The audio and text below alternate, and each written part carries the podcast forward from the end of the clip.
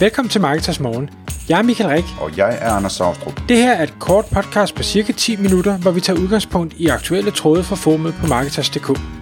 På den måde kan du følge med i, hvad der rører sig inden for affiliate marketing og dermed online marketing generelt.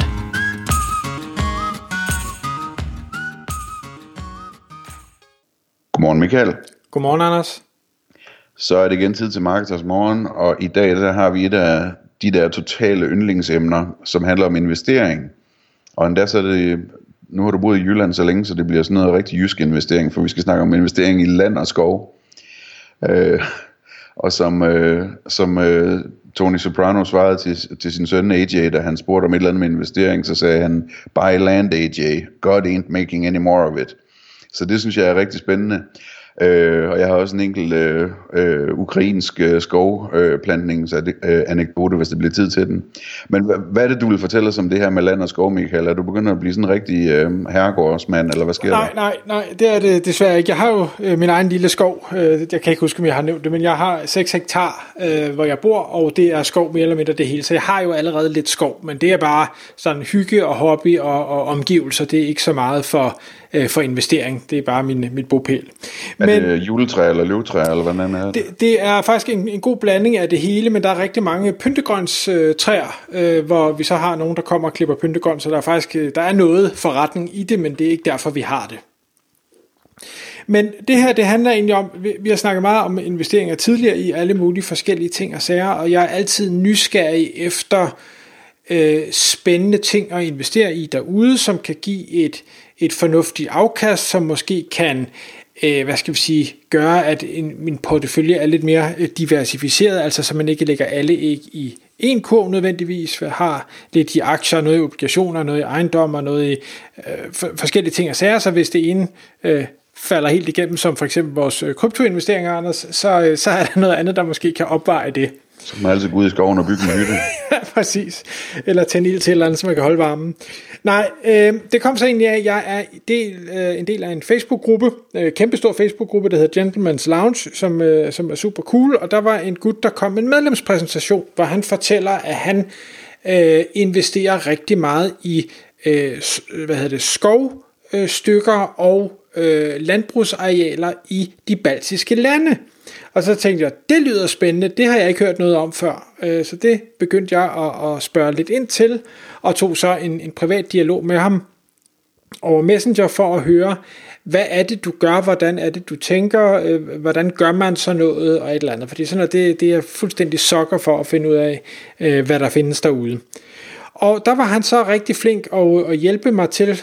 Der findes øh, hvad hedder det, nogle forskellige øh, hjemmesider. Øh, jeg kan blandt andet nævne en, der hedder foros.com, som er en, en engelsk oversat version af et litauisk øh, aktionssite, tror jeg det er.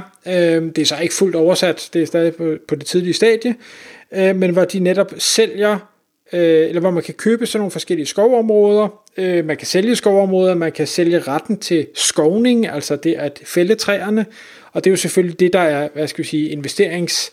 Øh, eller der er jo to elementer i det. Det ene er, at man sælger træet øh, til, til tømmer, og det andet er, at den jord, man køber, måske bliver øh, mere værd, hvis man vælger at købe den i... Øh, område, eller hvad hedder det, i nærheden af nogle af de større byer, når byerne udvider sig, jamen så bliver øh, hvad hedder det, så bliver jorden måske mere værd, fordi der er nogen, der bygger på den, eller et eller andet den stil.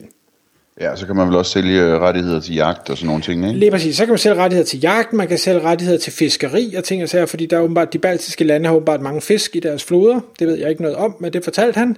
Øhm, og der er mange ting at sige. Men det der jo selvfølgelig er, der, der er flere elementer i det her, der er, jeg synes, der er spændende, og der er også en del, der er udfordrende. Den spændende er, at som du siger, der bliver ikke mere jord, øh, før vi kommer til Mars i hvert fald. Så øh, jeg tænker, at der er pengene nok sådan relativt solidt øh, sat. Øh, jeg synes, det er, er spændende, at man kan øh, have noget, der er sådan mere eller mindre passivt, forstået på den måde. Jeg skal ikke gå og plante nogle træer, og jeg skal heller ikke fælde de her træer. Jeg skal på en grund bare, bare gå sådan, lægge nogle penge, og så sidde på min, min flade øh, behind og, og vente på, at tiden går. Og det kan man så sige, det er så måske en af udfordringerne, det er, at en skov vokser jo ikke op fra den ene dag til den anden. Øh, man kan købe arealer, hvor skoven har øh, er, er helt ny, måske knap nok plantet, øh, det er bare en bar mark, eller det hele er lige blevet fældet, frem til en skov, der er tæt på at øh, være klar til at blive høstet, eller hvad man kalder det, skovet. Øhm, og værdien øh, er selvfølgelig enormt forskellig, fordi noget, der er 20 år om at blive til et, et afkast, øh, er, er væsentligt billigere end noget, der bliver til et afkast lige om lidt. Øhm, jeg kan godt lide tanken om, om den der meget langsigtede, at sige, men jeg kan godt sætte nogle penge nu, så står de ikke til en negativ rente i banken, og så på et eller andet tidspunkt, så øh, kan der høstes, øh, og der kan genplantes, og så kan det måske endda gå øh, i arv gennem generationer, fordi man høster formentlig kun øh, noget, der ligner være hver 15. til 25. år, afhængig af, hvad det er for nogle træsorter, man har. Øhm, noget af det, der er en udfordring, øh, som jeg har spurgt meget ind til at prøve at finde ud af, det er det her med, et, det er et land, jeg aldrig har været i. Øh, de baltiske lande, jeg har ikke været der endnu. Øh, aktionssejter, som jeg snakkede med, de siger, at altså, de, de vil da absolut anbefale, at, at man inspicerer øh, jordområderne, inden man køber dem, Øh, ikke fordi de siger, altså jordområdet er der, du køber jordområdet, men hvordan er kvaliteten? Øh, selvfølgelig kan man se luftfotos, men, men der kan man ikke se, hvor, hvor store træerne er, hvad det er for nogle træer, der er, om øh, der er nogen, der har dumpet affald. Øh, der er mange ting, man ikke kan se. Men som de siger, men til gengæld kan de så tilbyde en skovinspektionsservice, hvor man betaler et par hundrede euro eller sådan noget, for at have en, en, der ved noget om sådan noget, til at gå ud og kigge tingene igennem og vurdere det for en, inden man byder på øh, den her aktion. Øhm, så kan man sige, øh, hvad, hvad er der ellers? Jamen, så er der jo jeg tænker sådan noget som øh, en skov kan jo brænde, øh, det hører vi jo om skovbrænde, så der, man skal undersøge noget med forsikringer. Kan man overhovedet tegne en forsikring på en skov i udlandet? Øh, skal man have et udenlands selskab, og i så fald, hvad koster det? Øh, og der er rigtig mange af den slags spørgsmål, som jeg øh, på nuværende tidspunkt stadig er i gang med at prøve at afdække. Ja, der er meget af det også, hvor jeg sidder sådan og tænker, okay, men... Øh finde et forsikringsselskab i Baltikum, men hvordan er du sikker på, at det er et, som faktisk udbetaler, hvis nu de skal? Øh, hvordan er du sikker på, at auktionssitet er et, man kan regne med? Hvordan er du sikker på, at... Øh, Lige præcis. Altså, he, hele... Der, der er rigtig meget, hvor jeg sådan ville tænke, okay, jeg skal ikke have noget at gøre med, øh, med sådan et fremmed land, fordi min erfaring med fremmede lande, det er, at øh, de alle sammen gør det tingene lidt forskellige fra det, man er vant til, ikke? og man ikke Altså man skal virkelig passe på, at man ikke øh, kommer til at, at blive snydt, ikke? Øh, absolut, og, og man kan sige med, med en skov, jamen hvem siger, at der ikke er nogen, der pludselig går ud og bare fældet den, øh, fordi de tænker, at det er en udlænding, der ejer den, eller altså der kan jo ske masser af ting, og i og med, at det ikke er noget, man har lige rundt om hjørnet, ikke fordi selvom man har en skov i Danmark, så kan folk også bare komme og fælde den jo, øh, og, og så er den pludselig væk. Øh, man går jo nok ikke og kigger til den hver dag.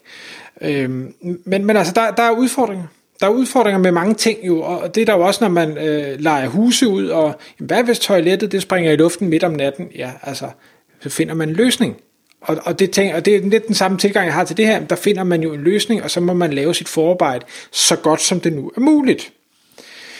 Men Udover at jeg selvfølgelig laver alle de her øh, øh hvad hedder det, indledende øh, ting og prøver at finde ud af, hvad der er op og ned på det, så prøver jeg også at regne på det. Og der må jeg indrømme, at hvor jeg, hvor, hvad hedder det, udlejningsejendomme, synes jeg er sådan relativt til at gå til i forhold til at lave nogle regnestykker, der nogenlunde holder vand. Så synes jeg godt nok, det er svært øh, at regne på sådan en skov. Hvad, hvad må man give for den? Øh, hvornår kan man høste den? Hvad kan man få for det, man høster øh, om 20 år, fordi tømmerprisen kan jo ændre sig 6.000 gange, inden de 20 år er gået. Øhm, ofte når man køber noget, hvis der er noget allerede, jamen så er der måske træer, der er 0 år, der er træer, der er 3 år, der er træer, der er 5 år, der er træer, der er 10 år. Det vil sige, de er i mange forskellige stadier alle sammen, og skal derfor heller ikke høstes på samme tidspunkt. Så det er ikke sådan noget med, at medmindre du køber en helt gold mark, og så planter alle træerne, og så om 20 år er de alle sammen store, og så fælder man det hele øh, så skal det fældes på forskellige tidspunkter. Det skal man have en proces for, og det cashflow skal man regne ind i sin beregning for at vurdere, er afkastet øh, godt nok. Øh, fordi det, og det er jo forskelligt, hvad man mener, at godt nok afkast er. Nogle er tilfredse med 5%, nogle vil have 10, nogle vil have 20. Øh, men jeg bliver i hvert fald nødt til at prøve at lave en eller anden tommelfingerberegning, det ved jeg ikke, om der er noget, der hedder, men en eller anden beregning, hvor jeg ligesom kan sige, okay, det kan godt være, at det er gætværk, men jeg lander måske mellem det her og det her i afkast, så derfor så er jeg villig til at prøve at kaste et eller andet efter det.